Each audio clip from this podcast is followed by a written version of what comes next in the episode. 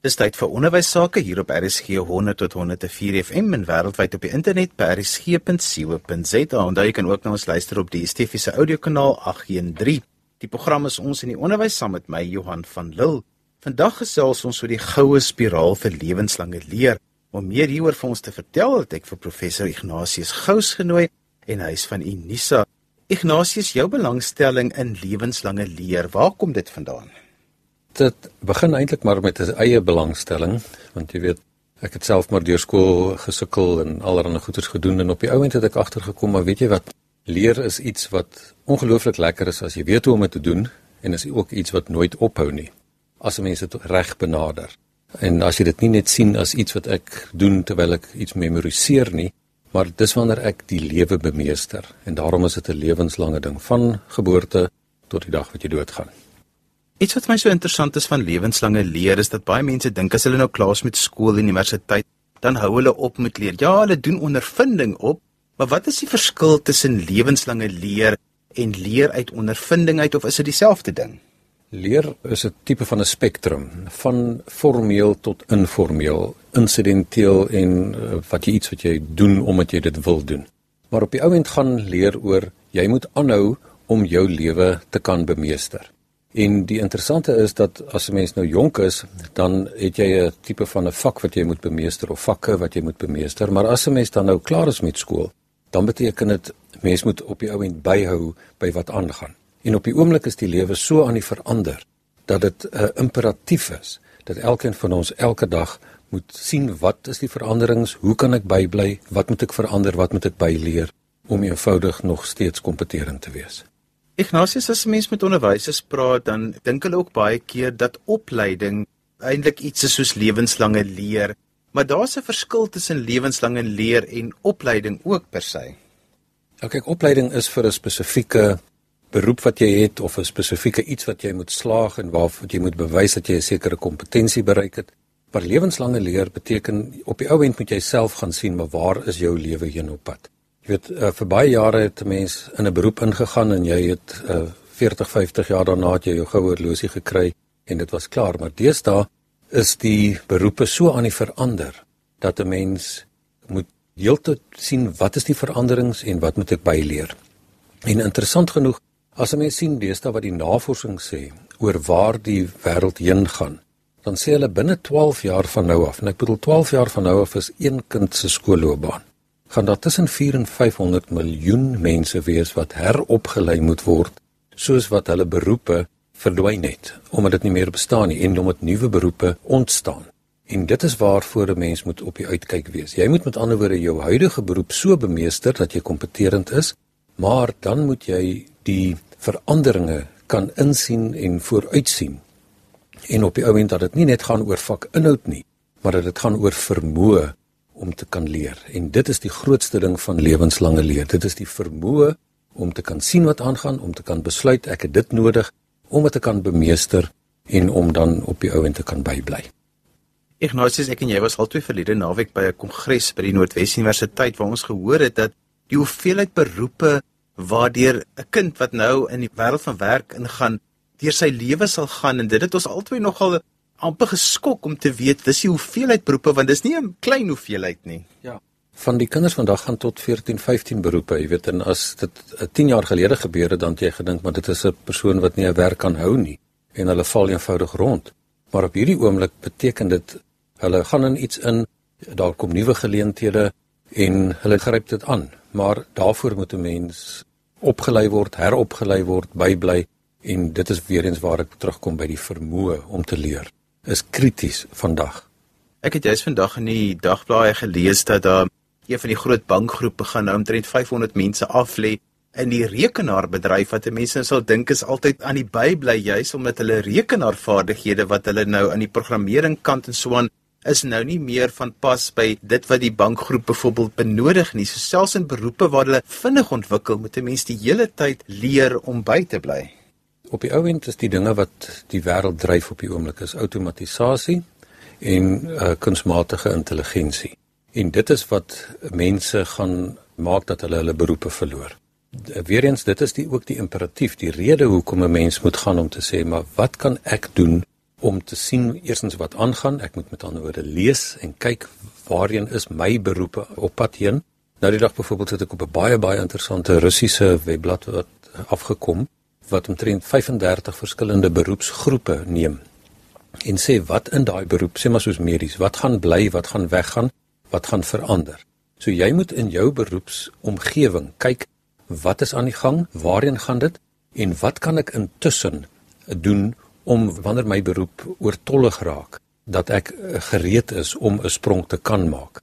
Want jy weet as jy wag totdat jy op die afgrond is, dan is dit te laat. Mens moet reeds nou terwyl jy werk, moet jy kyk wat gaan aan en wat kan ek nou doen om of parallel aan my beroep iets anders te skep of in my beroep verdere moontlikhede sodat wanneer ek aflê ek op my eie kan gaan of ek na 'n ander maatskappy toe kan gaan of een kan skep. Ignatius binne hierdie konteks dink ek besef onderwysers hoe belangrik dit is dat hulle 'n kultuur en 'n klimaat van lewenslange leer by hulle leerders sal vestig. Jy gebruik 'n baie mooi metafoor, jy noem dit die goue spiraal vir lewenslange leer. Verduidelik vir ons 'n bietjie hoe hierdie goue spiraal werk en hoe dit aanpas by lewenslange leer. Leer is iets wat 'n totale samehangende stelsel is. Ek weet, ek dink ons is bietjie verlei in die verlede om te dink leer gaan oor om 'n paar feite te memoriseer en om dit in 'n toets te kan weergee. En dit is 'n baie klein gedeelte van leer. Leer is 'n omvattende proses waarin daar verskillende aspekte voorkom wat wederzijds ondersteunend is. En op die ou end toe ek dit nou moet begin verduidelik vir my kollegas en vir onderwysers en vir ouers, maar ook vir kinders, weet hoërskool kinders, studente en selfs laerskoolkinders so laag as graad 3 Toe het ek gedink nou maar goed, hoe kan 'n mens dit voorstel vir eerstens vir myself dat ek dit kan verstaan, maar om dit vir ander mense oor te dra. En op die ouend het ek besluit op die spiraal, want jy weet 'n mens spiraal swaalf deur die lewe. Dit uh, leer is nie 'n lineêre ding van A tot B nie, jy weet dit het verskillende paadjies wat hy maar vat.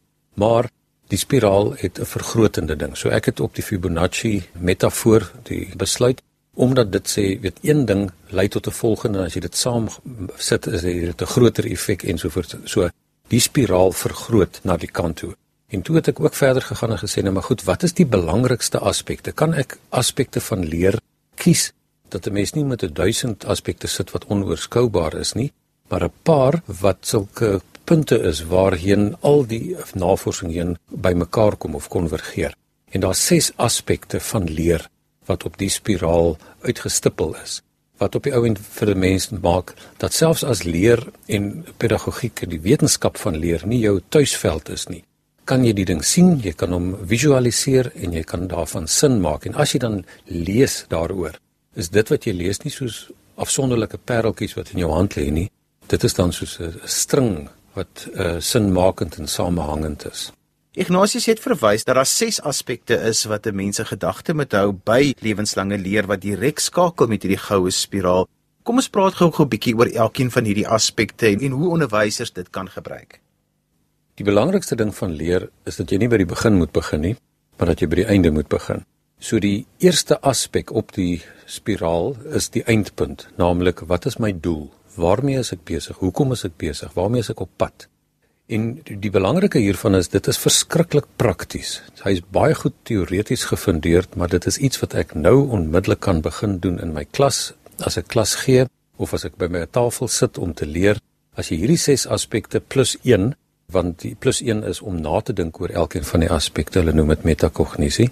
Maar as jy oor elkeen van hierdie aspekte dink en dit doen, dan kan dit nou al vir jou help om beter te leer en effektief te leer. En die eerste aspek is jy moet weet hoekom jy dit doen. Dit gaan oor betekenisvolle leer. Waar pas dit in my lewensdoel in? Hoekom gedoen ek dit? Jy weet ek het uh, iets wat ek vir die mense vra om te doen is sê neem vir my 'n selfie oor dubbel jou ouderdom. As jy nou 'n kind is, weet op myne gaan ek nie veel sien nie. Maar wat wil jy sien in jou selfie oor sê maar 10, 15 jaar? Wie wil jy daarin wees? En dit gaan dan bepaal wat moet ek nou doen om daarby uit te kom. Hulle praat daarvan as backward planning versus forward planning. As jy vooruit beplan, dan beteken dit jy kies waar ek nou is en waarheen ek wil gaan en dit is stappie vir stappie, maar as jy terug beplan, dan beteken dit dis iets wat jou trek. Dit is 'n motiveringsfaktor wat daarin tree wat sê ek wil daar uitkom en maak nie saak wat in my pad staan nie, ek gaan eenvoudig aan tot ek dit moet doen. So 'n doelwit vir leer langtermyn, mediumtermyn, korttermyn doelwit is ongelooflik belangrik. En wat 'n mens moet dink oor doelwitte, dit moet smart wees. Jy weet, jy kan nie net sê ek wil eendag gelukkig wees nie. Jy weet, wie's ek?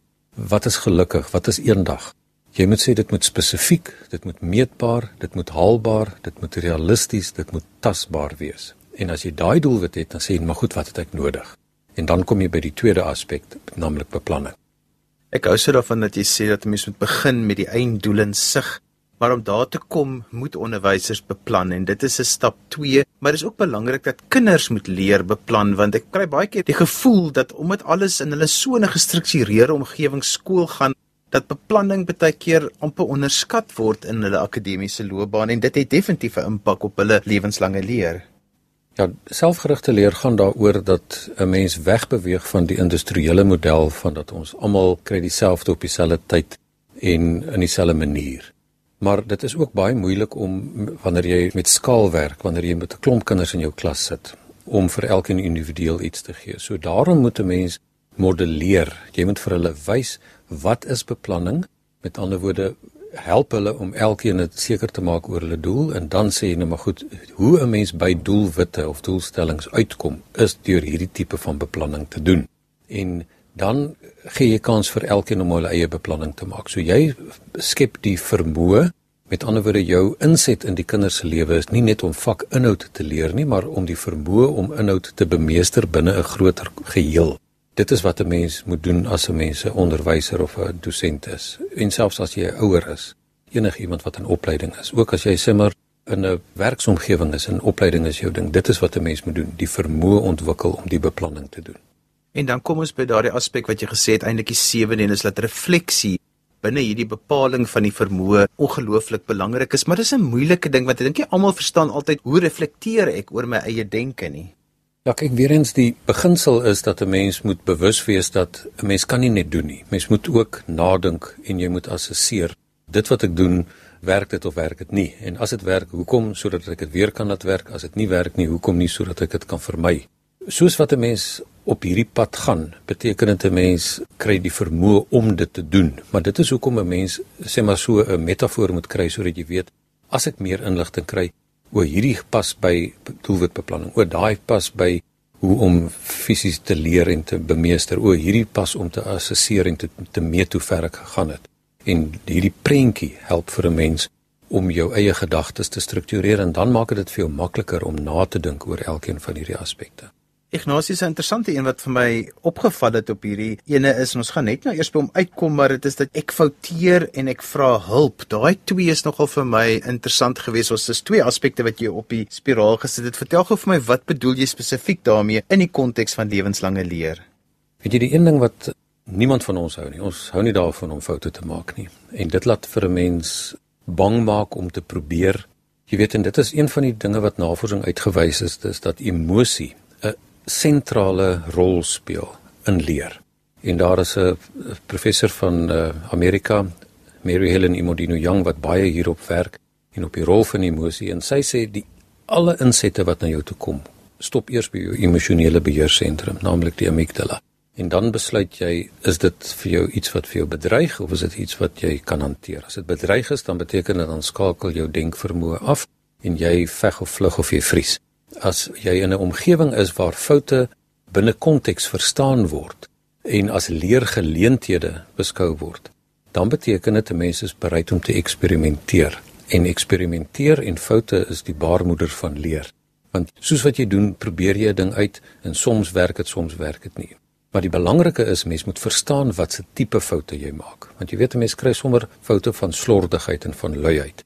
En dit moet 'n mens sien maar okay, dis nie aanvaarbaar nie. Maar 'n fout wat jy byvoorbeeld doen omdat jy iets probeer wat net buite jou vermoë is en dan maak jy 'n fout, dan is jy op die regte pad want dan weet jy maar ek is nou verder as wat ek vanoggend was toe ek begin het. So die hele ding van foute is jy moet verstaan en dan om foute te verstaan moet jy ook jou brein verstaan. Jy moet weet hoe werk leer en daar's vier aspekte. Jy weet dit begin by jou sintuie. Jy moet dit op 'n manier sien, hoor, ruik, voel of wat ook al en dit is oombliklik en dan is dit in jou korttermyn geheue waar jy dit moet verstaan dan moet jy dit oorplaas na jou langtermyn geheue sodat dit daar lê en dan moet jy dit gaan haal sodat jy dit kan herroep.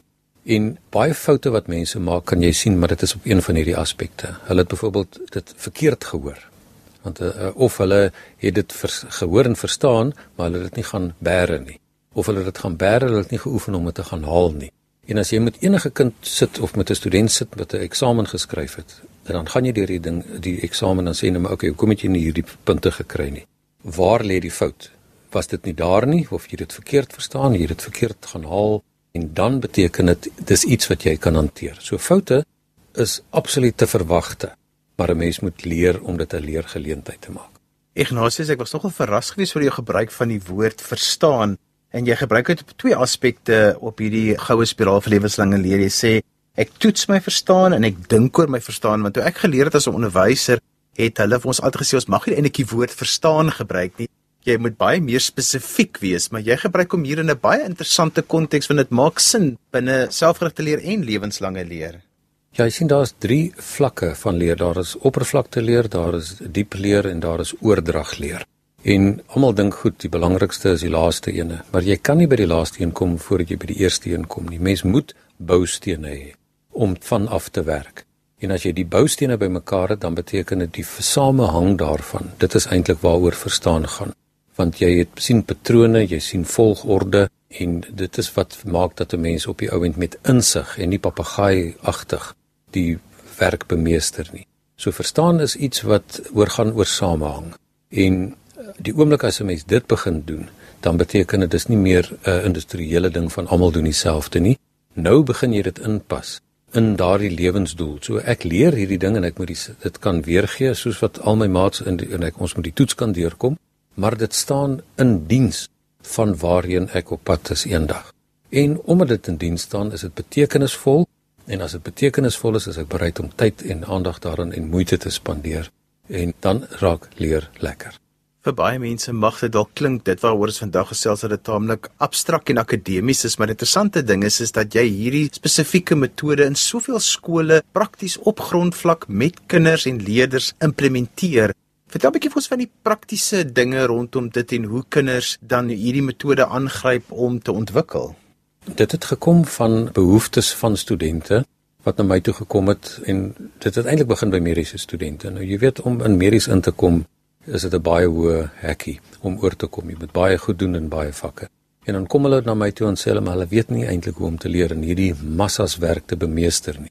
Want eintlik is hulle op skool dikwels afgerig om te slaag in plaas van om geleer hoe om te leer. En nou wanneer hulle op hulle eie is, nou beteken dit daarmee sukkel hulle. En so het ek 'n pad gestap saam met baie studente. Nou een van hulle byvoorbeeld het by my aangekom met 'n gemiddeld van 57. Nou ek weet nie of jy 'n dokter wil hê wat 57% van wat jou gaan verstaan nie. En die kans dat hy iets gaan mis is redelik groot. En ek het saam met hom en sy maats 'n pad begin stap en deur hierdie spiraal gewerk en op die oomblik het hy sy graad gekom. En dit werk dus werklik prakties vir mense en daarom help ek nogal baie studente van verskillende vakgebiede En dit het oorgegaan in 'n projek wat deur maatskappye geborg word in skole in 36 skole in die land en dit wissel van die topskole tot skole wat in die diep platteland is met ander woorde hoër en laerskole. En ek het dus dit uitgetoets met graad 3, 4 en 5, 6, 7 kinders in die platteland wat hierdie spiraal uitoefen jy weet 'n deel van wat ek doen uh, op grond van my navorsing noem hulle dit embodied cognition. Met ander woorde dit wat jy dink is gekoppel aan jou lyf en oefening en hoe om te wys met jou hande en sulke goeters dra by tot verstaan want dit bring 'n ander deel van jou brein in aksie wat dus die las op jou verstaan verminder en vir jou kans gee om dit beter te verstaan. So die kinders het 'n rympie oor hoe hulle hierdie ding uitbeeld. En ons het groot pret daarmee.